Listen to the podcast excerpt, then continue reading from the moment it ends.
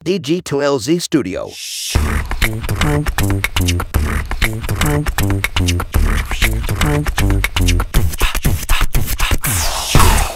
Selamat pagi, siang, sore, atau kapan pun waktu yang teman-teman pakai untuk mendengarkan podcast ini. Kembali lagi bersama saya Panji di podcast Ngobrol Bisnis.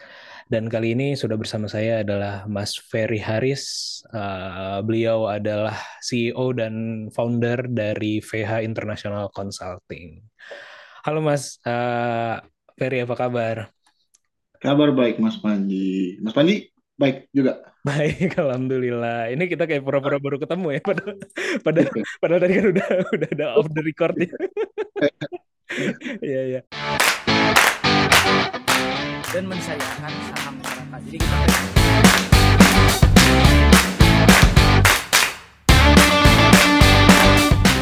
beda sama Jakarta kalau orang Bandung tuh uh, listing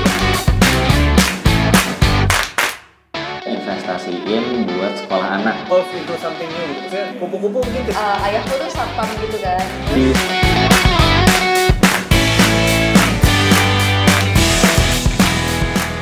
Mas Ferry ini uh, out of the blue uh, ada timnya yang kontak aku ya uh, beberapa minggu yang lalu gitu uh, ngajakin podcastan uh, karena beliau base-nya di Belanda dan lagi mau ke Indonesia sekarang ya. Betul. Jadi um, jadi sebenarnya sama kemarin udah di Indonesia, but uh. was focus on family gitu. Oke. Nah, kita summer itu ke Indonesia, memang kebetulan uh, kita juga uh, apa namanya ya membuka sister company di bidang yang sama. Uh. Itu bekerja sama dengan keywords. Uh. Tapi pada waktu itu memang hanya fokus um, ya istilahnya di depan notaris ya. Iya. Dan itu pun momen-momen saya bingung sendiri. Oh ternyata kalau di Indonesia buka bisnis itu pakai cap jempol ya. Iya. Gak tahu bahwa harus pakai cap jempol. Iya. Tapi kan karena itu hanya sekedar formalitas. Hmm. But I know uh, it has to have a kind of like a human interaction kalau Hmm. dengan customer Indonesia. Nggak bisa yang fully remote. Jadi makanya memang minggu depan rencananya selama sebulan saya akan ada di Indonesia dan Singapura. Kebetulan memang ada beberapa business arrangement juga di Singapura. See. Dan ya karena itu, loh, kayaknya partner bisnis saya sudah pernah ngobrol sebelumnya sama Panji. Wah, jadi tiba-tiba ya tim saya. Jadi saya da- tahu dari tim saya itu juga waktu saya lagi di Portugal. I see ya. Lalu saya di Portugal itu lagi ngobrol-ngobrol, masuk email. Oh, ada jadwal nih minggu depan. Hah? jadwal apa ya? Perasaan tidak ada janji apa-apa minggu depan. Uh. Ternyata ngobrol dengan Mas Panji. Ya, tapi senang banget bisa bisa bisa ngobrol ini. Artinya Iya, juga iya. kan menambah kenalan saya gitu di Indonesia. Iya betul betul betul. Ah, dan memang kalau saya sendiri pribadi bikin podcast ini apalagi di usia-usia udah 30-an ke sini gitu ya kan sulit membuka jejaring baru gitu kan. Sulit sulit berkenalan dengan orang baru apalagi yang sebidang dan ah, siapa tahu bisa ada sesuatu yang bisa dikolaborasikan ke depannya gitu. Jadi makanya saya bikin podcast ini gitu. Termasuk juga sama ah, Randy Keywords ya itu udah kenal lama banget sih sebenarnya gitu. Jadinya ah, ya Uh, menarik juga ternyata koneksinya berasal dari situ gitu ya. Kenal apa pertemuan titik pertemuannya ya ternyata.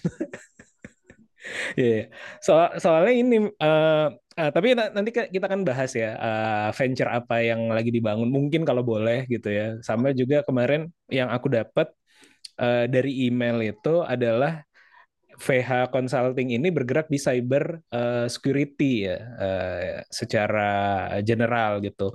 Makanya tadinya aku kira uh, koneksi ini bukan dari Randy gitu karena beberapa minggu yang lalu atau seminggu sebelum timnya Mas apa namanya Ferry kontak itu saya di startup saya itu join event namanya National Cyber Security something gitulah ya Na- National National Cyber, Cyber Security di Jakarta gitu. Jadi saya pikir ini apa ada yang ngontak dari kenalan kemarin kita networking di sana dan segala macam. Oh ternyata dari sana dari dari arah yang berbeda lagi gitu. Jadi jadi cukup menarik buat saya gitu. Eh, mungkin sebagai awalan gini mas, Eh, boleh diceritain dulu nih eh, how apa ya gimana apa jadi jadi saat ini gitu. Kenapa mendirikan VH International Consulting? Eh, dan kenapa bergerak di bidang cyber security ini? Backgroundnya dari mana? Uh, wah, versi panjang, versi pendek. Eh, panjang aja, kita kan ngobrolnya ngalor ngidul nih. Eh, ya sebenarnya sih kalau di Runut, eh, saya kan kuliah dan kerja tuh sempat dua tahun di Indonesia. Hmm. Jadi bukan yang apa istilahnya tiba-tiba di Belanda gitu, enggak. Jadi memang kenapa saya juga kenal Randy karena memang saya sebenarnya dalam tanda petik tergolong orang lama. I see. Jadi kalau eh, Mas Panji sempat atau pernah dengar ada namanya dulu komunitas Ubuntu Indonesia, Iya. saya salah satunya di sana. Ah, dan pada waktu itu memang saya juga sempat kerja di Kominfo. Oh, I see. Jadi kalau ah, sekarang buah karyanya Undang-Undang ITE, ya I see. kita sampai di situ saja mitranya. Kemudian and then eh, eh, saya dapat scholarship di Belanda. Eh, jadi ketika saya dapat scholarship itu eh, saya memutuskan untuk memang heads down dalam artian eh, ya bukannya memutus tali silaturahmi dengan yang di Indonesia, tapi memang waktu itu saya memang mau fokus di eh, kuliah eh, sehingga saya tidak lagi aktif dengan hal-hal yang ada di Indonesia. Long story short, kemudian eh, setelah saya tugas akhir lah ya, tesis gitu di Deutsche Telekom, T-Mobile, eh, itu ada offer, eh, mau nggak kamu kerja tapi di bidang IT audit, which is under Hmm. Deutsche Post DHL. Jadi kalau kalau ke Bonn di Jerman, Ya. istilahnya T-Mobile ke kanan, Deutsche Post ke kiri gitu. Jadi kota yang sama tapi tinggal beda arah doang. Ya udah, waktu itu mikirnya, aduh, IT auditor ngapain ya? Hmm. Udah gitu kan ya, eh, auditing, aduh, kayaknya nggak bisa punya temen nih. Tapi apa namanya semangat untuk mencoba hal yang baru lebih tinggi sih. Jadinya ya sudahlah kita jalanin aja tanpa ekspektasi banyak gitu. Dan ternyata di situ belajar banyak banget. Eh, jadi kuliahnya apa, Hmm. terus tiba-tiba eh, kerjanya apa gitu. Dan selama 10-12 tahun itu eh, pindah-pindah kerja, jadi sempat ya kerja di Jerman, kerja di Singapura dan akhirnya kembali ke Eropa, tapi di Belanda mostly backgroundnya full di IT auditing, risk officer dan compliance and security.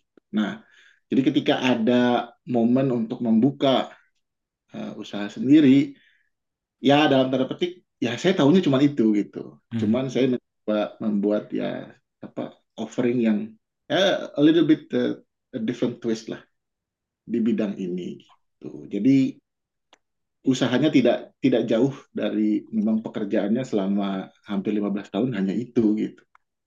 Hmm. Eh, kalau orang lama dan bermain juga di komunitas Ubuntu gitu ya maksudnya Ya. dulu.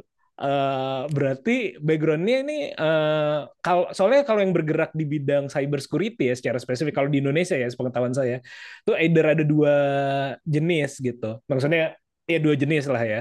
Yang satu adalah berangkat dari orang eh, IT yang satu adalah dari orang hukum Eh, Nah, which one nih yang yang yang mana nih Mas Ferry yang mana nih?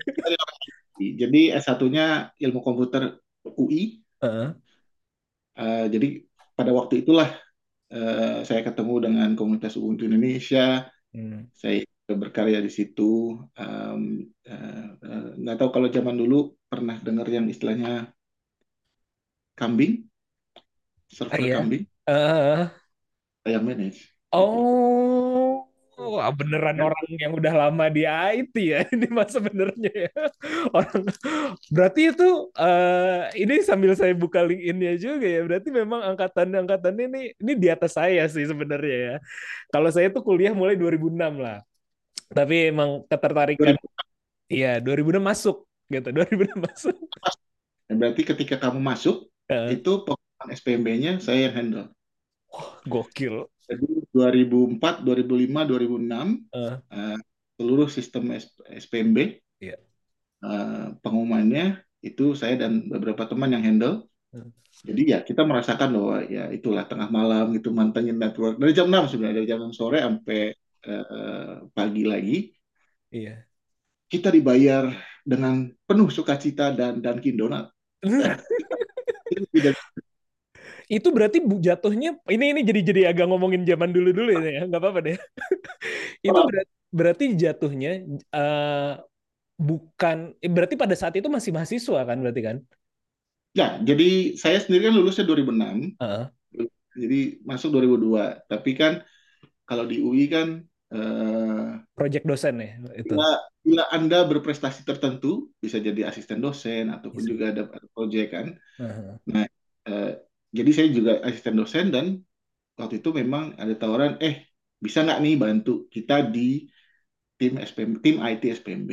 I see, Ya, I see. kita sebagai mahasiswa waktu itu ya bolehlah gitu Heeh. maksudnya dari pengalaman juga gitu kan jadi eh, di situlah asal muasalnya kayak saya paham gitu bahwa kita bisa distributed computing pakai PC orang gitu ya kalau sekarang kan cloud ya semua orang ngomongin cloud kalau zaman itu adalah benar-benar PC terus eh, apa eh, code kita dan database eh, apa mereka yang diterima di SPM itu kita burn di CD kemudian kita bagi ke sekian eh, apa namanya eh, PC eh, sehingga kan latensinya kurang ya apa Iya. lebih lebih rendah ya karena kan semua langsung dari disk bukan disk as in hard disk tapi dari Di dari CD. eh, apa, CD langsung ke memori langsung eh, apa di, di- ditangkap sama yang akses gitu Hmm. sehingga mengurangi latensi ya hal-hal seperti itulah karena kan waktu itu kan fasilitas tidak seperti sekarang, cloud computing belum seperti sekarang,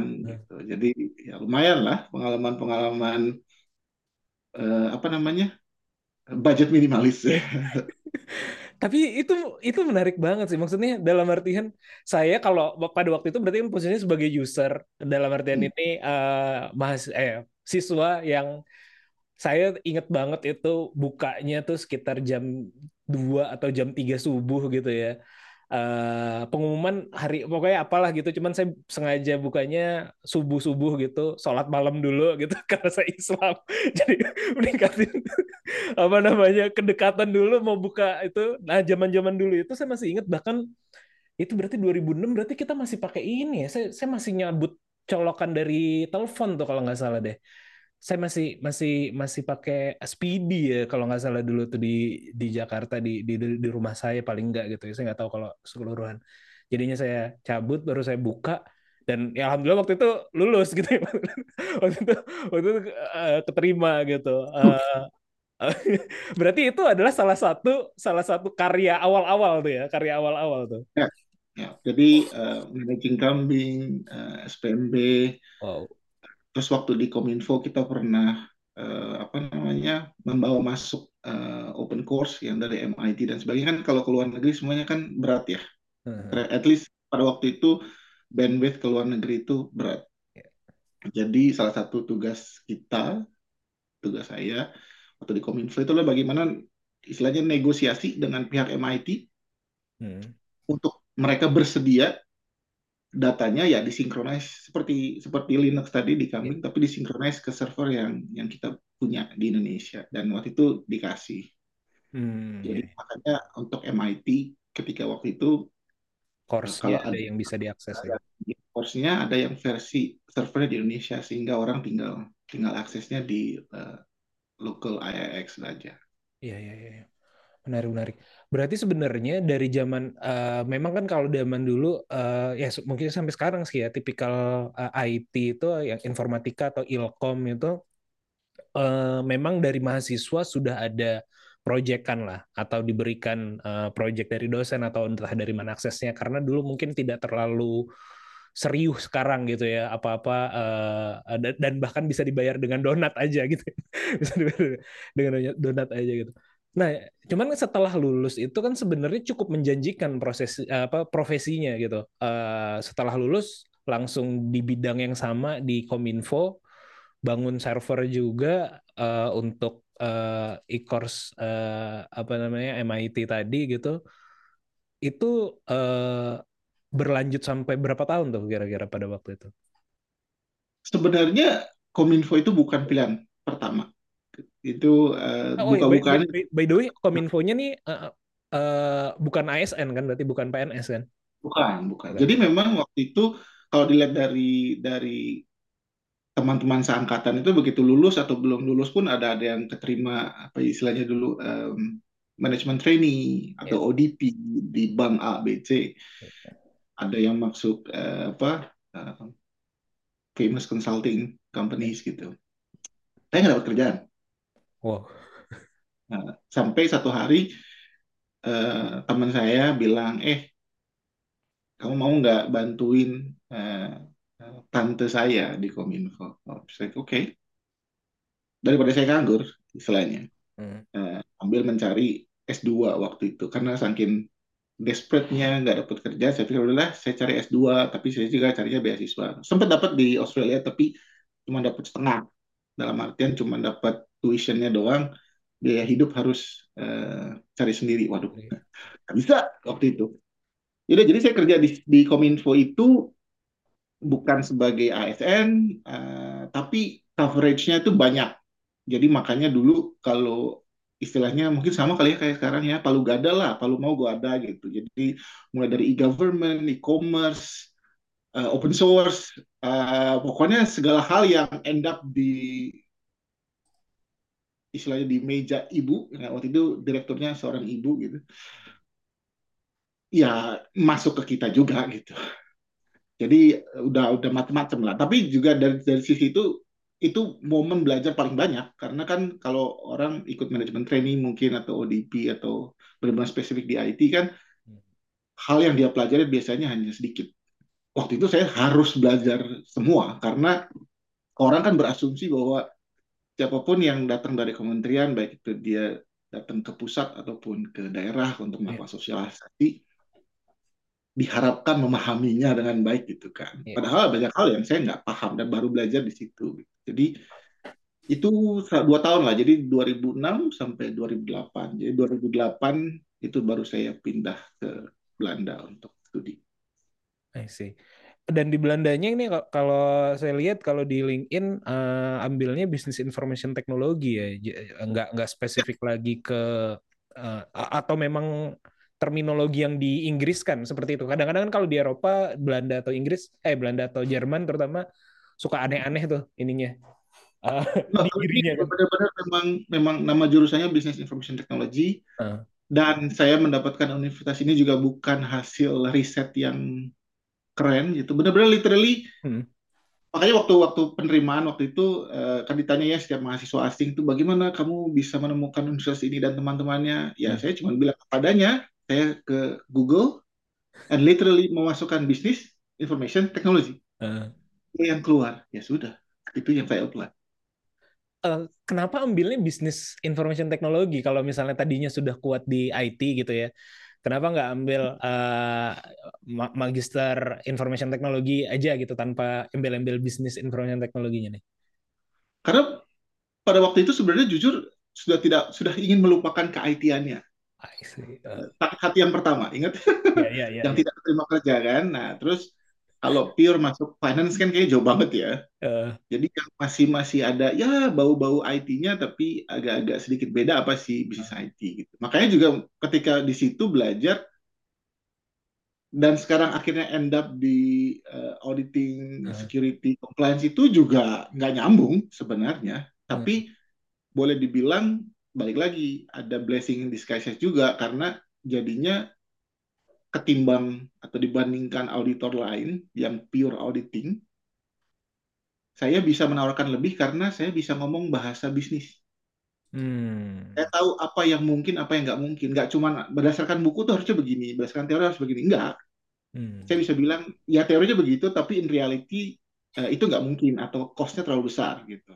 Hmm. Dan itu yang yang sebenarnya membuat membuat saya di bidang ini ekstranya di situ padahal uh, apa namanya kuliahnya dan pekerjaan pertamanya nggak nggak ada hubungan sama sekali gitu. Jadi pengalaman ini semua malah jadi mengenrich saya untuk untuk untuk bidang ini. I see. Uh, dan uh, ketika se itu kan uh, apakah sudah plan akan tetap stay di Belanda uh, se selepas dari kuliah atau tadi lagi kebetulannya hmm, dapat pekerjaan di sana atau memang sudah plan ah aku gua nggak mau lagi lah balik ke Indonesia nih apalagi ngurusin pemerintah gitu misalnya atau apalah gitu ya.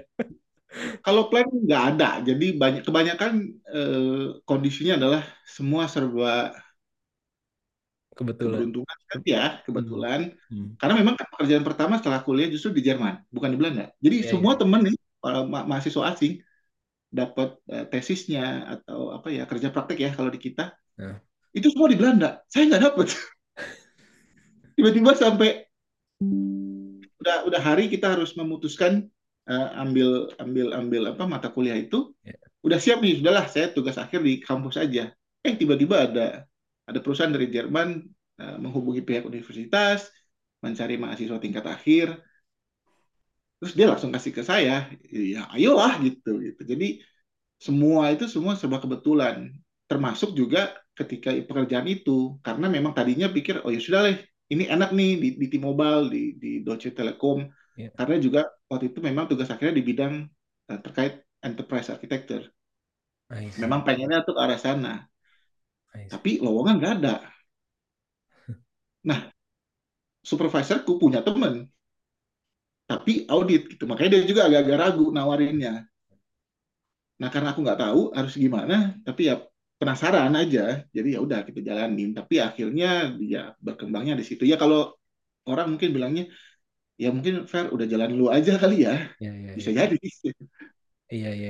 Berarti berarti ini a- satu walaupun tadi dibilang nggak dapat pekerjaan ketika lulus S1 apa segala yang dicita-citakan. Padahal sebenarnya kan kalau di lingkungan gitu ya kalau kalau nanti mungkin kalau saya search lagi eh, Mas Ferry ini jangan-jangan memang apa ya memang orang yang dibalik yang tadi tuh kan. Server kambing lah terus juga udah udah apa ya di komunitas kuat lah seperti itu. Tapi di di karir resminya tidak gitu. Eh, lalu ketika masuk ke Belanda lulus Business Information Technology eh, tugas akhir terkait itu tapi pekerjaan setelah itunya bergeser lagi gitu. Ini ini berarti eh, series of kalau kalau pada saat kita menjalankan mungkin ngelihatnya kayak tadi ya oh iya ini kebetulan keberuntungan. Tapi kalau Mas Ferry saat ini ngelihat ke belakangnya tuh connectingnya tuh apa tuh Mas kira-kira?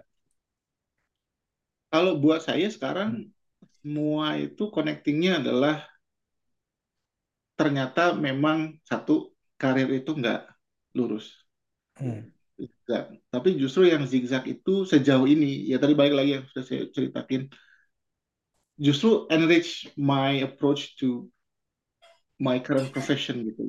Hmm. Karena eh, semua yang yang gua alamin gitu Hmm. kasarnya, itu justru malah, ya pada waktu itu sedih ya, kayak kecewa gitu. Tapi ternyata semua hal-hal itu tuh yang yang yang bikin bikin bikin gua seperti sekarang gitu. And and and that also you know nge-push gua untuk dikenal oleh orang tuh oh Ferry itu beda sama konsultan yang lain. Ferry itu beda sama auditor yang lain. Karena semua itu yang yang di belakang-belakangnya ini yang berbeda gitu loh. Karena biasanya kan orang tuh ada ada profil ya. Iya. istilahnya oh kalau auditor tuh pasti orangnya begini. Iya, iya. Orang yang kerja di security pasti di, eh, backgroundnya begini gitu. Jadi profil itu tuh sudah ada gitu. Hmm. Dan itu jadi ya di banyak perusahaan jadi momok tersendiri kan. Makanya eh, di banyak perusahaan tuh ah, kalau udah dengar auditor tuh langsungnya "Wah, kita jauh-jauh deh, jangan ngobrol sama mereka kalau bisa gitu kan. Hmm. Tapi karena karena saya backgroundnya lain dan bisa pendekatan lain, justru malah memang memang apa namanya lebih fluid aja gitu kalau komunikasi gitu. Makanya ba- banyak yang bingung. Lu auditor bukan sih? Ya Hmm. memang. Karena sampai inget inget banget gue eh, waktu di Jerman. Eh, Panji kan juga di Jerman dulu ya. Iya, ah, sempat. Bisa membayangkan ya eh, eh, bagaimana eh, apa facial expressionnya orang Jerman gitu. Hmm. Apalagi auditor gitu kan. Ah. Itu enam bulan kan pertama enam bulan pertama itu kan probation.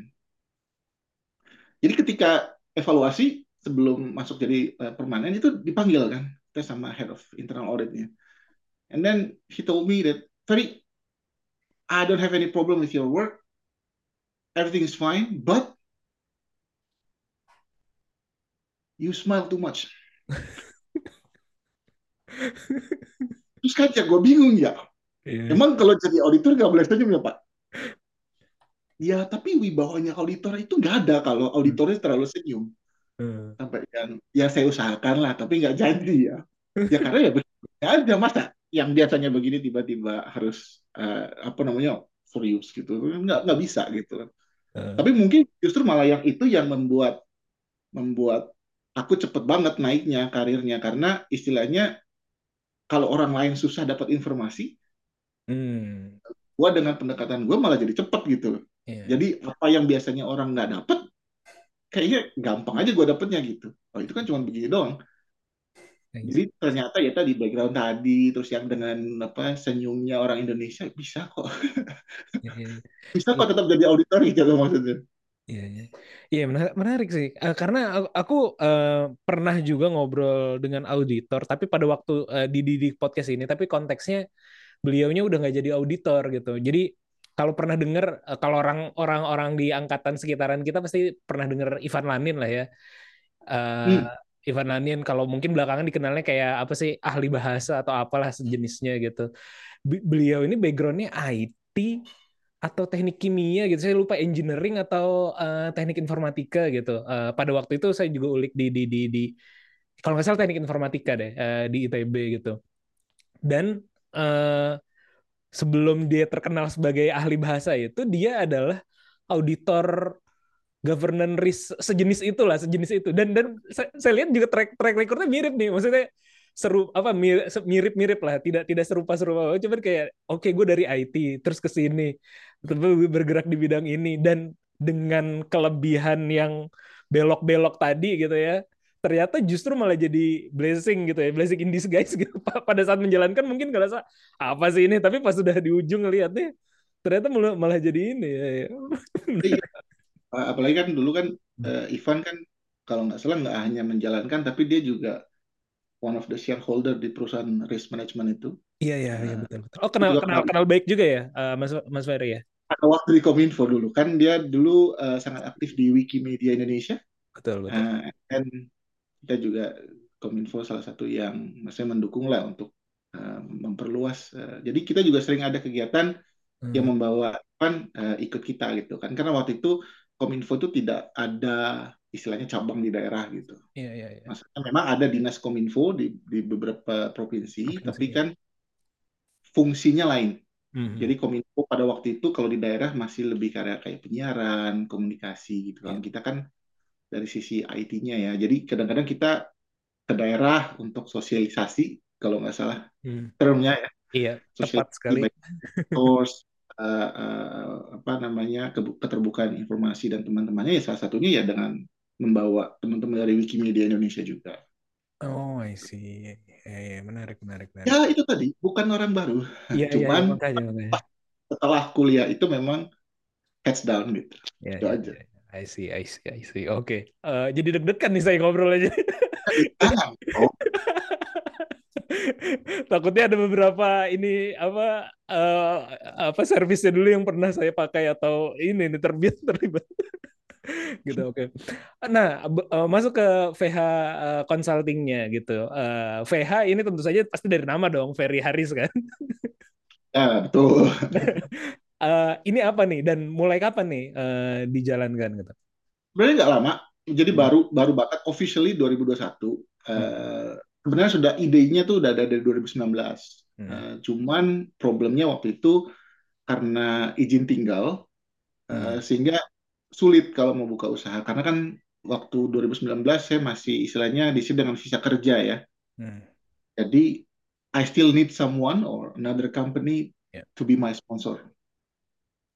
Bisa aja kalau dibarengin karena kan aku di sini dulu highly skilled migrant. Oke. Cuman jadinya tax double dan teman-temannya. Nah, jadi 2020 itu pas kebetulan dapat eh, permanent residency di Eropa, jadi kita tidak perlu, perlu lagi em, apa namanya izin tinggal gitu ya. Hmm. Ya itulah baru ya udah yuk kita kita kita kita bulatkan tekadnya gitu. Bahkan maksudnya kalau orang lain kalau di perusahaan kan kalau resign itu sebulan sebelumnya ya. Hmm. Gue resign enam bulan sebelumnya gitu. Karena satu pengen pengen pamit baik-baik dengan perusahaan, nothing wrong with the perusahaan. karena memang justru perusahaan itu yang membuka mata gua. Jadi eh, salah satu niatan baik gua adalah gua memang mau pergi baik-baik karena mereka juga sudah mendorong ini gitu. Nah, jadinya baru resminya itu 2021. Hmm. Ya, sekarang berarti hampir dua tahun lah. Tuh. Jadi memang kalau ditanya asal muasalnya ini tuh bagaimana ya? Eh, sebenarnya nggak ada niatan. Jadi sebagai orang asing yang sangat tidak bisa bahasa Belanda, Hmm. tidak pernah terpikir untuk ini. Tapi justru karena perusahaanku yang terakhir itu, jadi 2019, dia itu apa ya? eh, kalau aku lupa kalau di Indonesia eh, padanannya apa, tapi dia itu managing seluruh uang pensiun kayak pegawai negeri, Hmm. eh, eh, militernya, eh, suster, dokter dan teman-temannya. Nah kita yang megang duitnya, Sebagai bank, eh, sebagai banknya atau aset management. Jadi kita yang muterin uangnya, mencari investment dan teman-temannya, tapi aku dari sisi IT risk-nya. Oh, mungkin kalau di Indonesia padanannya kayak eh, sekarang BPJS Ketenagakerjaannya mungkin ya. Mungkin kali ya. Karena kan Nah, tapi kan. BPJS ketenagakerjaannya mungkin yang yang ini administrasi. Nah, ini kan mungkin BPJS ketenagakerjaannya naruh uangnya di sebuah perusahaan. Eh, Nah, perusahaan inilah yang mengelola semua uangnya. Jadi memang perusahaan yang aku Oke. I see. eh, kerja itu yang ngurusin semua uangnya. Jadi See. kalau dibilang itu eh, the biggest in Europe Eh, eh, dan Namanya apa? sisi Namanya apa, Mas? asset management. Ah, I see. Oke. Eh, nah, waktu itu ada program untuk seluruh pegawai namanya The Making of You. Jadi mungkin karena karena perusahaan ini juga ada social value-nya ya, karena kan mereka ngurusin uh, uang uang pensiun ya. Hmm. Jadi mereka juga ingin membantu lah istilahnya semua pegawainya itu untuk lebih memahami dirinya. Hmm. Karena kan bisa jadi ya pekerjaannya A, tapi value dia B, jadi nggak nggak cocok gitu. Iya. Either misalnya dia selalu eh, apa ya eh, kesel di kerjaan, kayak merasa ada yang nggak klop gitu frekuensinya. Nah, semua pegawai waktu itu dikasih eh, apa namanya training, Training. namanya the making of you. Karena orang non Belanda itu sedikit, saya jadi kayak dapat private. Sa- Saya sama satu orang lagi. Hmm. Jadi ada trainingnya kita cuma bertiga. Jadi kita benar-benar in depth banget gitu loh pembahasannya dan dan dan eksplorasinya. Nah di situ singkat cerita, oh ternyata memang saya nih frekuensinya nggak nyambung. Hmm. Frekuensinya dalam artian my value as a person itu tidak akan bisa di di apa namanya difasilitasi even kalau saya jadi jadi misalnya CEO di perusahaan itu gitu Hmm. Karena itu nggak akan pernah match gitu. Dan waktu itu solusinya adalah oh Ferry you have to try to make your own way. Hmm. because if if you continue like this then you know ketika nanti udah tua frekuensi itu enggak ini ya itulah awal-awal kayak burnout dan teman-temannya jadi kayak kayak early warning juga. Ini, ini Ferry kalau kamu terusin nih Hmm. ini bisa nggak match gitu loh. Dan aku pikir iya juga ya kenapa aku tiap kali pindah tuh pindahnya karena A gitu bukan karena karena nggak sesuai dengan uh, uh, company-nya atau kayak ada value yang kurang gitu kayak aku pengen pengen pengen implementasi sesuatu yang nggak bisa kalau sebagai pegawai Hmm. iya karena itu ya udahlah kita coba aja toh uh, istilahnya kalau di Eropa kan kalau masih di bawah 40 masih Hmm. kalau gagal kalau mencoba gagal masih bisa balik ke eh, tenaga kerja lah kasarnya Mhm. gitu. Nah ternyata ya singkat cerita malah baik ternyata perkembangannya sejauh ini eh, sibuk Hmm. terus growth yang tadinya pikir ah paling lima tahun lah ternyata less than one year eh, waktu itu jadi lompatnya jauh banget Eh, jadi ya kayaknya memang ya ini jalannya ya jadi sekarang lagi happy aja menjalankan Hmm, I see. Eh, berarti ya itu tadi secara, secara background-nya. Nah, eh, VH Consulting-nya ini sendiri berarti fokusnya benar eh, ke audit cyber security tadi itu, atau ada Ya. yang ini lagi? Ya, jadi kita kalau kita di, di kita tuh istilahnya IT governance, risk management, compliance, and cyber security. Tapi fokusnya itu pengen um, cater small and medium size companies. Kenapa? Karena ya aku udah terlalu lama kerja di dunia korporat dan kita melihat kalau dunia korporat mah sanggup lah bayar orang kayak aku Hmm. dengan teknologinya. Padahal sebenarnya istilahnya ya dunia kita sekarang kan itu kan semuanya interconnected. Nggak semuanya perusahaan besar. Nah yang ngebantu perusahaan kecil yang nge-serve perusahaan besar ini siapa? Kalau bukan orang-orang kayak kita. Dan padahal kadang-kadang challenge mereka, kebutuhan mereka itu tidak serumit perusahaan besar. Sehingga mungkin istilah kasarnya, kalau kita selalu bilang, oh tenaga ahli di bidang saya itu sangat sulit gitu, karena jumlahnya sedikit, sebenarnya dengan pende- pendekatan yang mudah, yang simple, itu bisa men-serve gitu. Jadi kayak kita sekarang tuh dengan jumlah pegawai yang ada, Hmm. men-serve sekian banyak klien itu tuh kita masih banyak waktu kosong juga gitu. Dan itu membuktikan bahwa sebenarnya untuk perusahaan kecil tuh kami tidak butuh full time, Hmm. kami tidak diperlukan full time lah kasarnya. Betul, betul. Tapi kita bisa men-serve lebih banyak eh, customer kan jadinya kalau yang besarnya secure, yang besarnya compliant, yang kecilnya juga itu kan jadi ekosistem yang baik ya.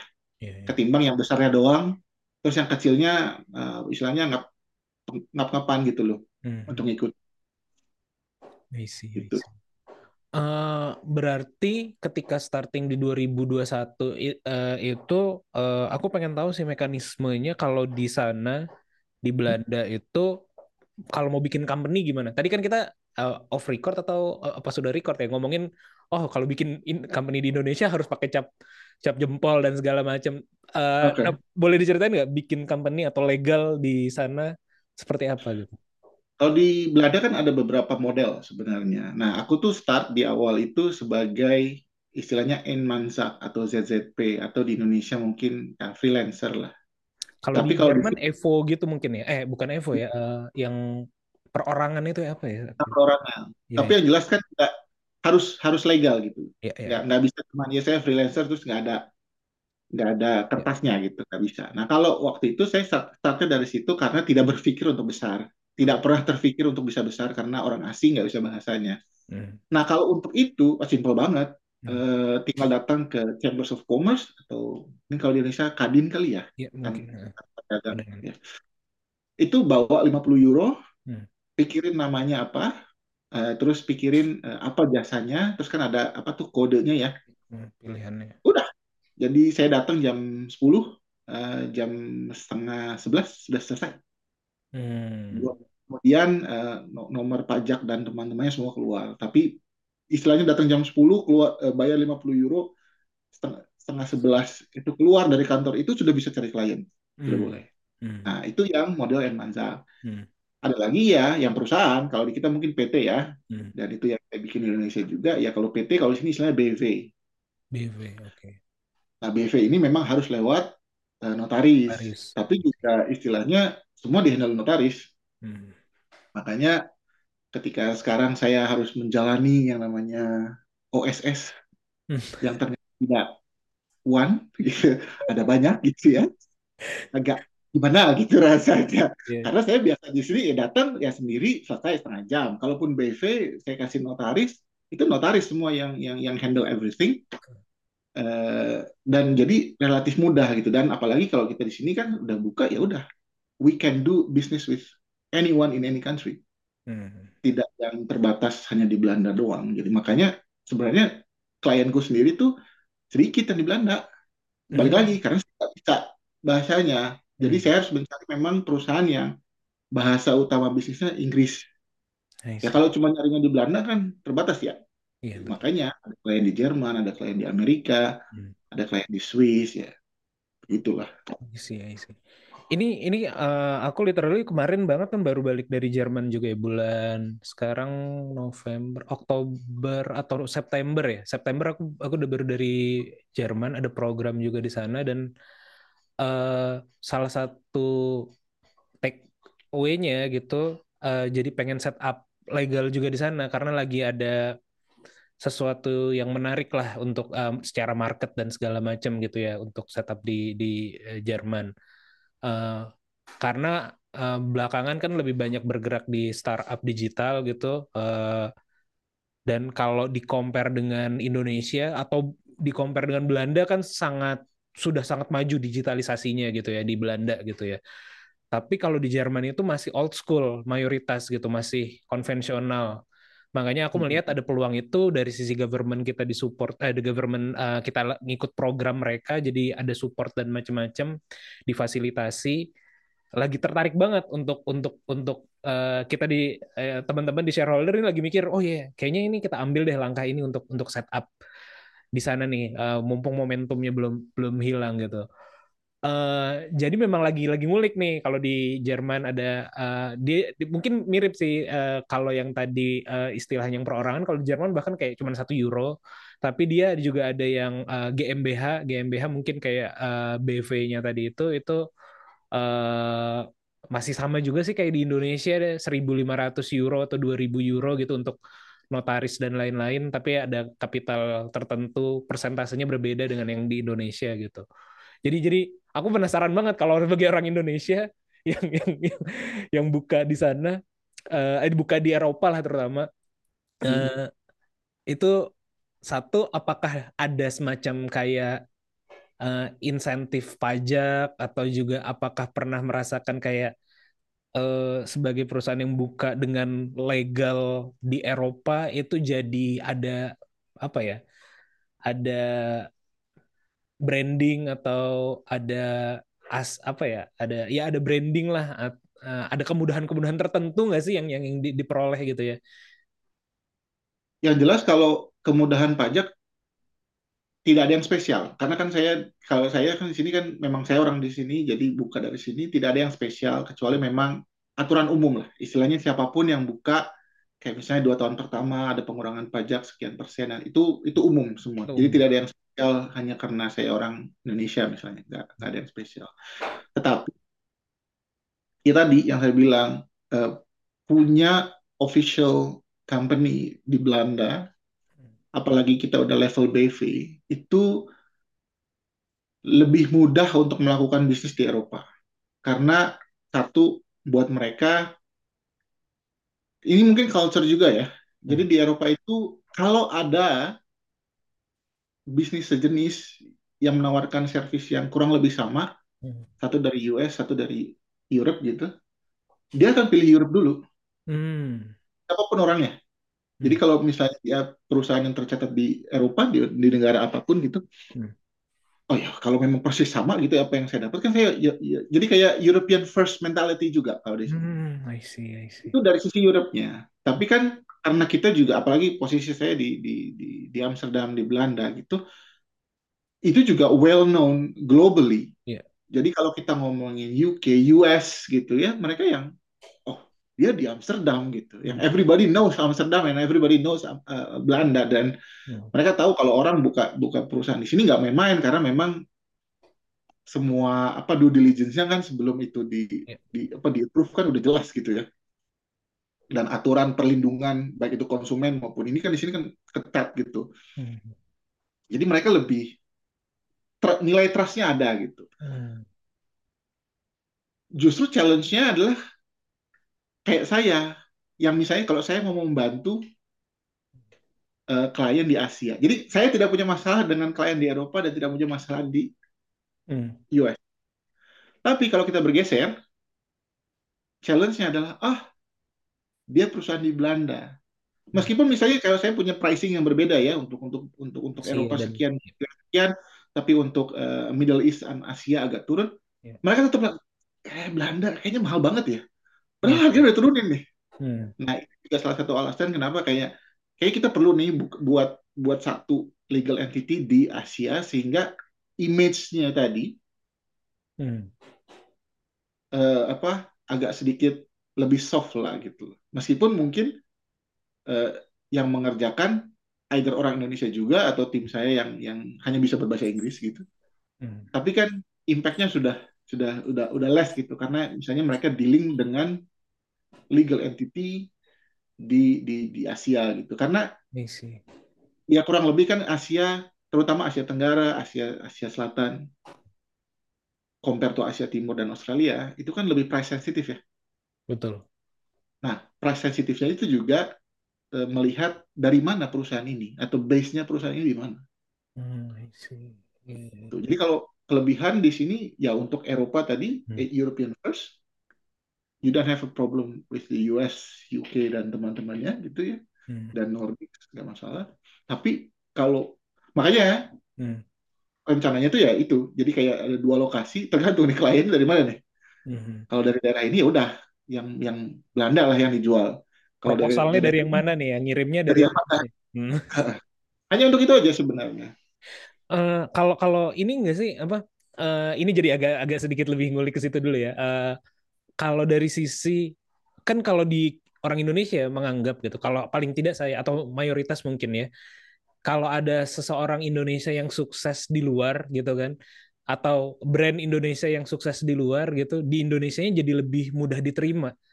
Itu eh, apakah strat ini jadi strategi juga gitu? Maksudnya, oh ya gue FH eh, International Consulting perusahaan orang yang punya orang Indonesia setup di Belanda di Indonesia akan gue campaign nih akan gue jadikan ini jadi cara marketing gue untuk pendekatan karena gue tahu orang Indonesia seneng ngelihat atau ya tadi ya mungkin reroute gitu ya. Kan banyak ada band Indonesia yang sukses di Eropa di Indonesia oh, siapa tuh. Tapi ketika balik oh ini sukses di Eropa jadi keren gitu. Ada penyanyi ada banyak lah case-case yang seperti itu gitu.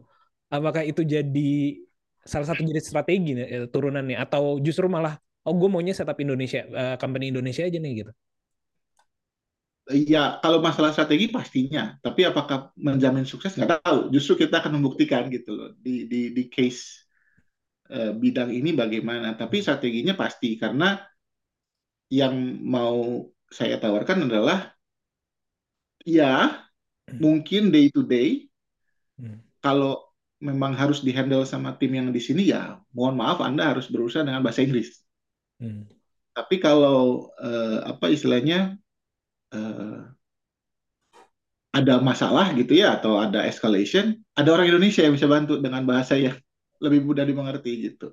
Tapi at the same time kan juga kita pengen pengen bikin timnya di Indonesia gitu loh. I see, I see. Sehingga nanti yang di Indonesia juga bisa cover eh, pekerjaan dari dari Eropa dan Amerika dan untuk eh, apa namanya support lokal lebih lebih lebih mumpuni. Tapi dibalik lagi kalau misalnya ada problem dengan Indonesia Iya. atau di Indonesia gitu bukan dengan Indonesia ya Iya, di iya, iya. Indonesia Hmm.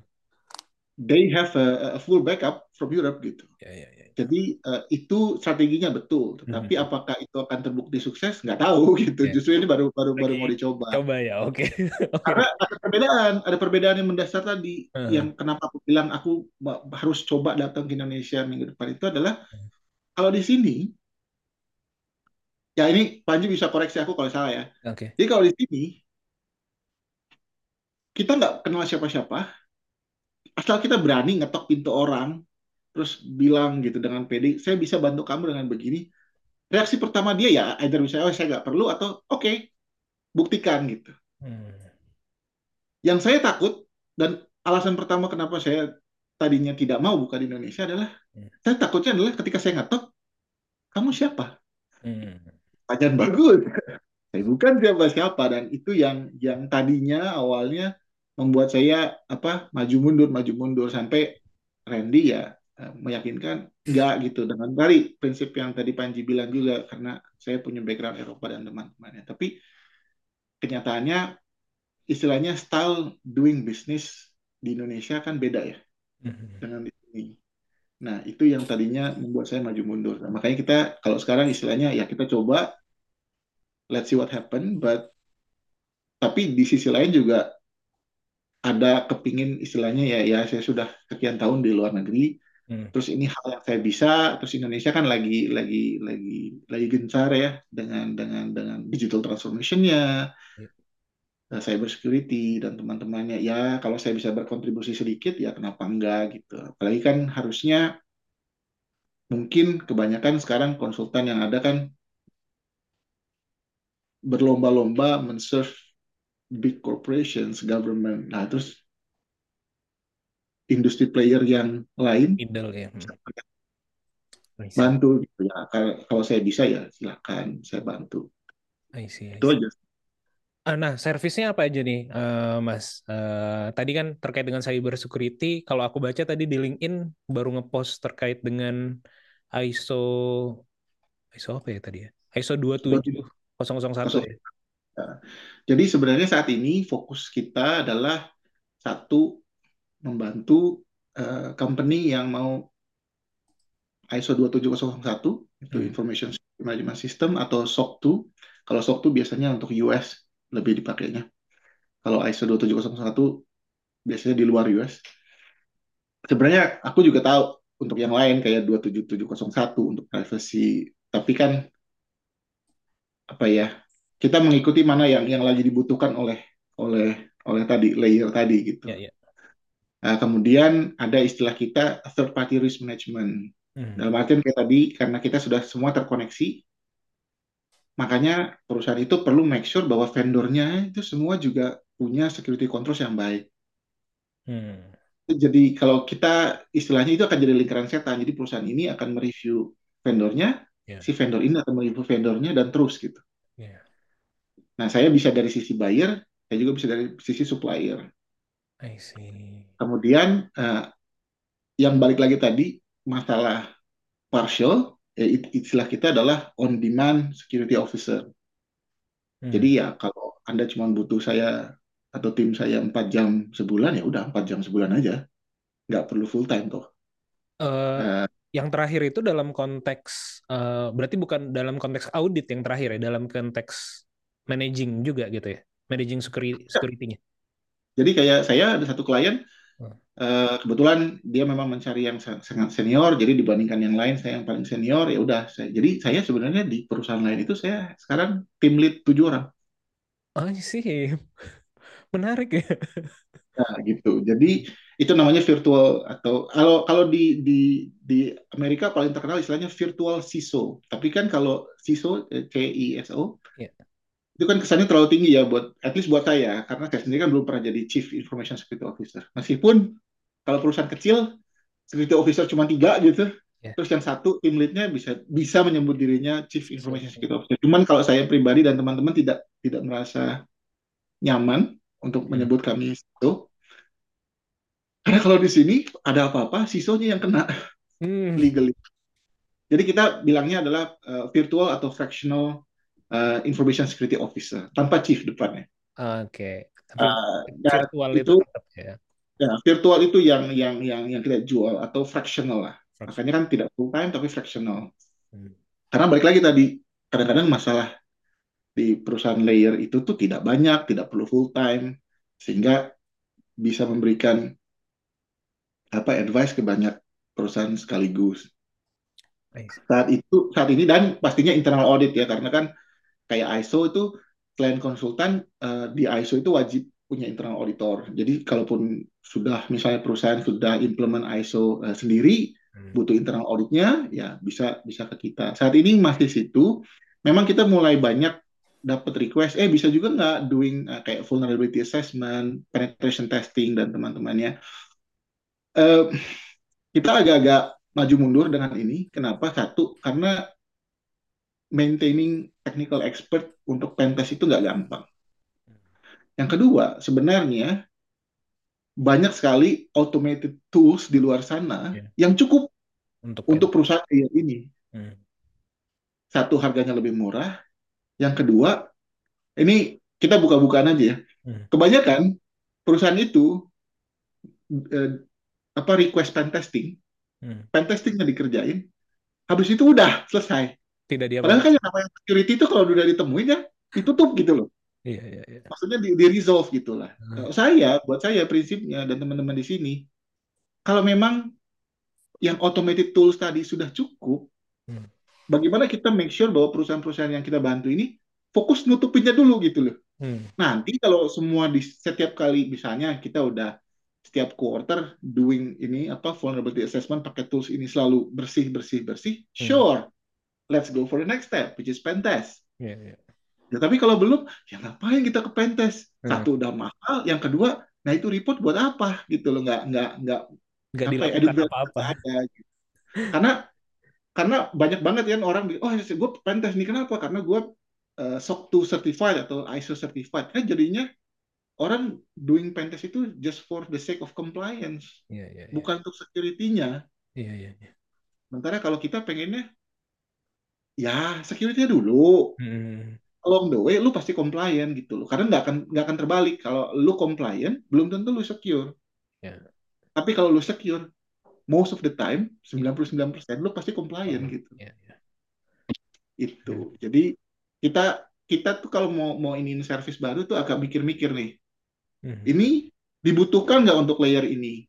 Hmm. Nah, itu juga salah satu kelebihan di sini, Panji. Iya. Di sini itu yang aku suka pribadi adalah you can be successful as an entrepreneur even though you are a small size business as in eh, apa namanya employees.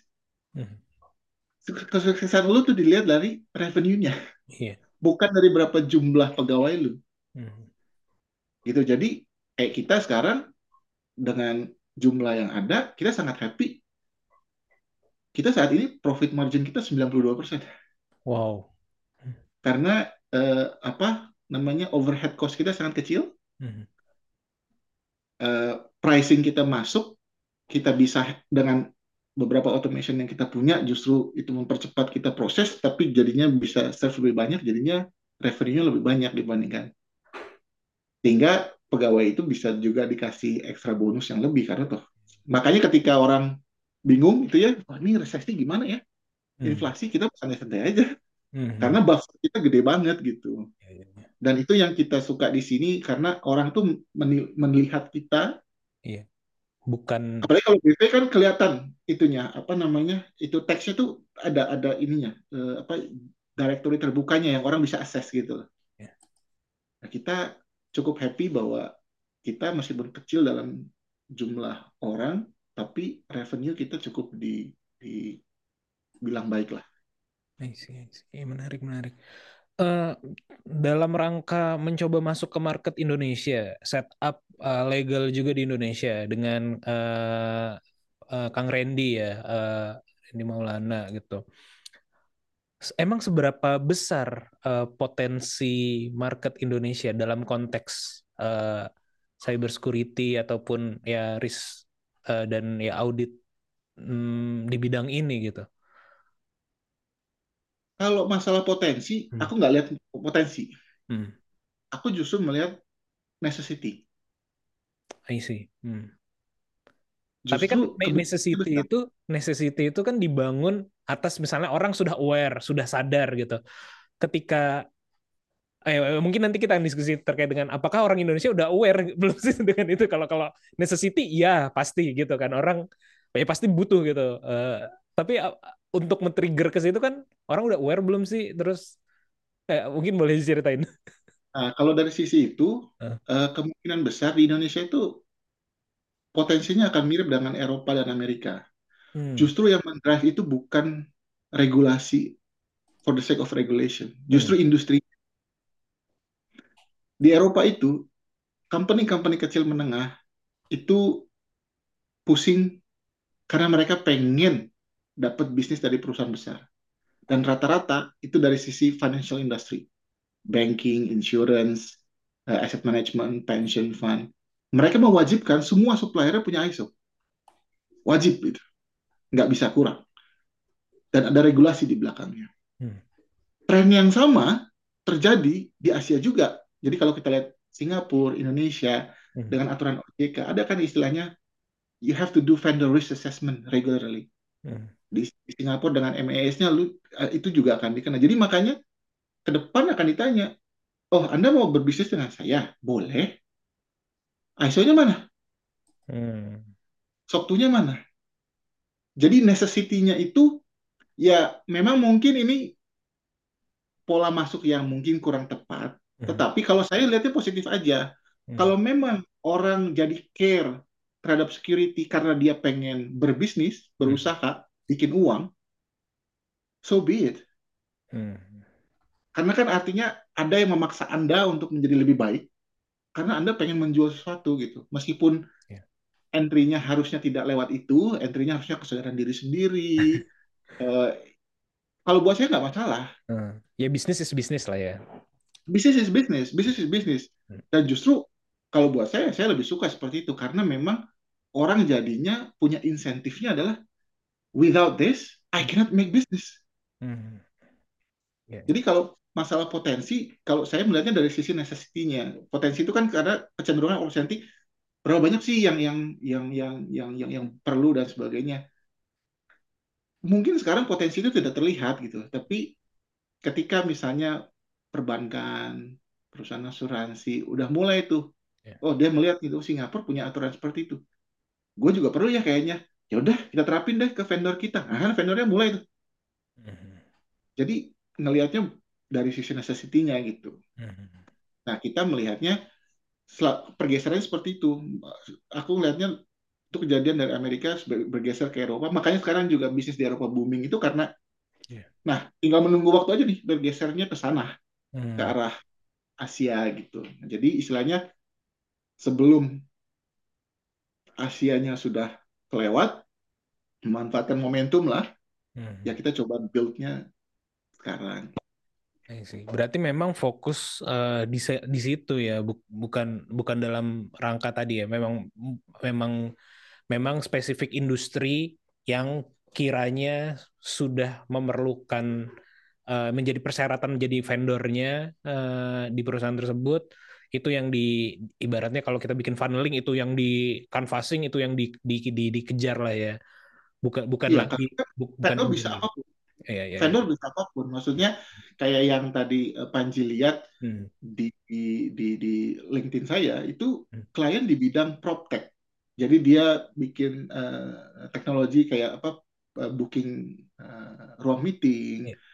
eh, presence. Iya. Sebenarnya secara teori mereka tidak perlu.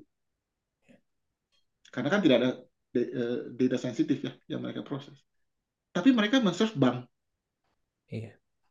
Iya. Bank memaksa mereka untuk punya.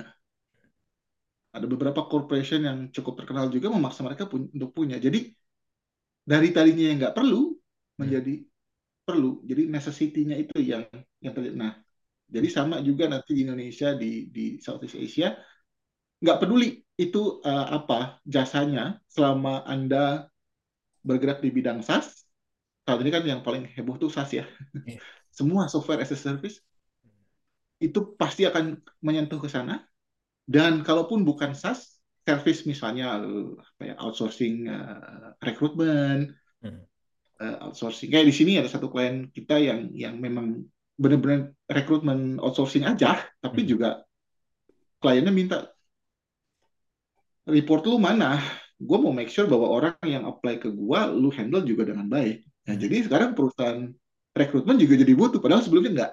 Hmm. Iya, iya, iya. Nah, itu yang pergeseran seperti itu yang nanti akan bergeser ke arah sana. Karena kan pastinya ya kan ada ada ada perusahaan besar juga di Indonesia yang mungkin mereka eh, cabang dari dari eh, US atau dari Europe, dari Singapura. Karena akan ditanya nanti, ini perusahaan kamu dari mana aja? Lah, berarti kan ada kemungkinan data saya diproses oleh Betul. orang Indonesia kan? Hmm. Ya, kalau jawabannya iya lah, yang di Indonesia juga harus. Hmm. Jadi makanya tadi yang trickling efeknya itu yang berat. Iya, iya, betul, betul. Iya, itu itu juga sebenarnya jadi eh, kan kalau bisnis saya eh, salah satunya adalah yang eh, bikin startup namanya Kiwi. Kiwi itu eh, ya bisa dibilang ya managing antrian lah, managing antrian, managing queue, booking system dan segala macam. Ketika kita mau landing di Berlin kemarin itu, eh, apa maksudnya mau bikin setup di sana itu, eh, karena kita difasilitasi oleh government-nya mereka juga, kita diajak ketemu beberapa lawyer gitu dan juga notaris juga gitu. Nah, saya dapat kartu nama lawyernya itu udah spesifik memang. Jadi maksudnya lawyer, oke dia nama company-nya apa gitu saya lupa, tapi dia bidangnya adalah data, something data gitu lah gitu. Jadi jadi eh, menunjukkan concern eh, secara ininya lo mesti kompa apa ya, eh, mesti menyesuaikan dengan yang nanti akan ada di sini gitu. Masalah eh, data. Mungkin juga kita di Indonesia ada beberapa menghandle eh, banking juga. Belum tuh disyaratkan seperti itu maksudnya di Indonesia. Tapi mungkin ketika nanti kita punya klien eh, managing booking atau antrian di sana pasti akan perlu gitu ya. Eh, jadi kayak ini soalnya kalau di kita ya ini mungkin mungkin karena udah lama di Belanda juga ya kalau di kita eh, yang yang yang yang wajib itu atau yang necessity itu adalah yang government regulated kan. Jadi kalau belum ada aturannya ya gitu lah. Ya, makanya kan sekarang kan dengan dengan adanya undang-undang PDP, Ya PDP. ya. si OJK di Indonesia, Eh, itu nanti namanya third party risk management itu akan trickling. betul betul. Nah, itu yang akan akan mempushnya di situ sebenarnya. Dan saya mengharapkan dari situ ngepushnya, karena kalau kita hanya mengandalkan government, ya. saya deh GDPR di di di Eropa juga nggak Ya. mungkin mereka ini kan setiap perusahaan nggak cukup resourcesnya kan, makanya percabangan tangan mereka adalah ya perusahaan-perusahaan ini ya, ya. yang yang istilahnya government fokus ke yang besar, besar yang ngontrol yang menengah, menengah yang ngontrol yang kecil gitu. Jadi Hmm. trickling efeknya tuh di situ. Iya, iya, iya. menarik, menarik. Iya. Dan saya sebagai apa ya penggiat di bidang ini juga sebenarnya sangat happy ya kalau kalau misalnya eh, secara eh, necessity tadi terpenuhi dan bukan sekedar eh, memenuhi eh, certify aja gitu atau lolos audit aja dan dapat ISO, tapi memang secara core-nya dia juga secure gitu. Itu akan kita kan belakangan ini berita kalau- di Indonesia kan apa namanya data bocor lah di mana dan segala macam yang yang kacau-kacau mulu gitu terjadi dan eh, ya apa malu juga gitu kan lama-lama dan kita sebagai warga negara juga jadi khawatir juga gitu data kita di pemerintah di private juga ke mana-mana gitu kan. Jadi agak-agak ini juga gitu agak deg-degan juga gitu mudah-mudahan bisa jadi jadi jadi pintu masuk yang baik dan juga bisa berkembang lah nanti di Indonesia jasanya gitu. Eh, kalau audit itu, Hmm. em, mungkin sedikit lagi ya. Kalau audit itu, sepengetahuan saya kan nggak yes no ya. Maksudnya oke lah yes no hasil akhirnya. Cuman kan ada saran lah ya. Eh, service yang ditawarkan oleh VH ini atau company nanti di Indonesia-nya juga eh, mengarah ke sana juga gitu. Jadi eh, atau atau secara general audit itu bagaimana sih prosesnya? Jadi sebenarnya kalau kita merunut ke aturan aslinya audit itu, ya kita cuma nggak seperti tadi Mas Panji bilang nggak cuma yes no, kita juga harus mengadvise. Sehingga pendekatan kita slight agak beda. Hmm. Jadi bahkan di Eropa sendiri kita beda pendekatan. Jadi kalau di Eropa itu yang kita mulai adalah perusahaan lain itu men- menawarkan dua jasa. Satu jasa konsultasinya, Hmm. baru yang kedua jasa auditnya. Oke. Secara ISO yang wajib itu sebenarnya auditnya, Iya. bukan konsultasinya. Kalau Anda bisa melakukan semua sendiri, Anda nggak perlu konsultannya. Iya. Anda perlu auditornya. Nah, kita basisnya justru dibalik. Kita masuk selalu dari auditnya. Anda kan butuh auditnya. Nanti dari hasil auditnya ada gapnya. Hmm. Nah, gapnya ini akan saya advise gimana cara nutupnya. Jadi di satu sisi Anda dapat kewajibannya, which is auditnya. Hmm. Di sisi lain Anda dapat bonusnya, yaitu konsultannya. Hmm. Gitu. Jadi pendekatan kita eh, yang bedanya di situ gitu. Dan memang itu yang saya suka selama ini. Kenapa saya sangat happy di di internal audit, bukan external audit. Ya mohon maaf ini bukan bermaksud menjelekan yang external audit, tapi kita itu di internal audit itu dipaksa berpikir lebih. Contoh ya, kalau ada external audit yang biasanya mengaudit financial uh, statement, terus ada nanti IT auditnya, fokus mereka adalah apakah data ini benar adanya, complete and accurate. Mau perusahaannya bangkrut, mau perusahaannya untung, fokusnya adalah apakah data ini benar adanya. As an internal audit, beda. Apakah yang kamu periksa bisa menimbulkan kerugian untuk perusahaan? Jadi kita dituntut, makanya internal audit kan sebenarnya kan kita bekerja untuk perusahaan yang sama ya. Iya. Dengan teman, istilahnya dengan kolega yang lain. Jadi fokus kita tuh memang dituntut berpikir, ini udah oke nggak nih? Kalau belum, ya udah kita ulik juga bareng-bareng gitu. Kita kita kita kita coba make sure bahwa bahwa ini bisa diperbaiki dan kita wajib memberikan advice yang reasonable buat manajemen. Bukan Anda tidak boleh. Hmm. Anda tidak boleh melakukan ini karena ini kami menyarankan gini gini. Kenapa ini possible? Karena kita udah lihat nih. Sebenarnya kita ada ini, kita ada ini. Yang kurang cuma ini doang. Jadi udah kita fokusnya di sini gitu. Jadi saya dan teman-teman di sini tuh udah udah terlatihnya gitu. Makanya ya balik lagi, mohon maaf bukannya saya mengecilkan mereka yang di external audit, tapi buat kami yang di internal audit tuh kita pola pikirnya udah agak beda. Hmm. Kita sudah terbiasa membantu memang membantu perusahaan itu untuk lebih baik karena kita tidak pengen melihat perusahaan kita sendiri bangkrut gara-gara kita melakukan kesalahan. Hmm.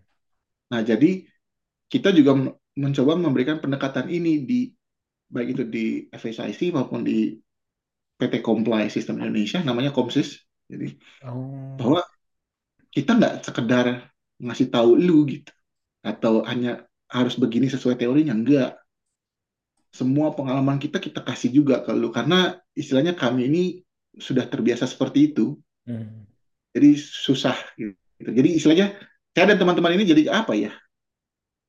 Bu- bukan orang yang mulai eh, apa karirnya sebagai konsultan di awal enggak justru kita ini semua konsultan telat namanya jadi ya saya konsultan ya setelah 15 tahun gitu ada satu kolega dia udah enam tahun dulu kerja gitu Hmm. jadi ya kita nah makanya itu kita mencoba melakukan pendekatannya agak beda dan puji Tuhan sih sejauh ini ya itu yang bikin kita lumayan diterima gitu I see, I see.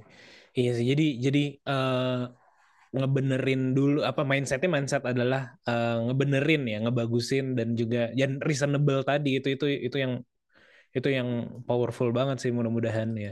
Dan oh ya iya namanya Komsis ya. Ini aku aku lagi buka websitenya juga nih. Eh, iya oh iya iya iya menarik menarik menarik. Udah ada klien kah di Indonesia? ya klien pertama keywords Oh oh iya. Jadi, eh, sebentar lagi eh, mungkin harusnya announce ya eh, di Komsis eh Komsis eh, keywords dua minggu lalu baru selesai stage 2-nya dan dan mereka pasti dapat mereka akan dapat guys. Oh mantap mantap mantap mantap. Ya, It will be it will be our first kind of like client success story in Indonesia lah kasarnya. Mantap, mantap, mantap ya. Semoga semoga lancar gitu. Eh, mudah-mudahan nanti kita bisa kolaborasi-kolaborasi lain ya, eh, Mas Ferry, eh, selain ngobrol-ngobrol di sini. Makanya aku kemarin nembak aja, kita mendingan ngobrolnya online gitu. Aku bilang ke timnya yang kemarin kontak, biar pas lagi di Indonesia nggak ngobrol dari awal gitu. Ada kalaupun kita ada agenda ngobrol, kayaknya bisa langsung ke produktifnya gitu apa yang mau kita join kan gitu. Oke Mas, terima kasih atas waktunya. Eh, sangat apa ya, buat saya sangat insightful. Mudah-mudahan buat yang dengerin juga sangat insightful. Eh, terima kasih. Semoga nanti lancar juga perjalanannya ke Indonesia. Eh, sampai ketemu nanti di Indonesia kalau gitu. Ya, sampai ketemu di Indonesia. Thank you ya. Ya, terima kasih yang sudah mendengarkan sampai akhir. Sampai ketemu di podcast Ngobrol Bisnis episode selanjutnya. Bye.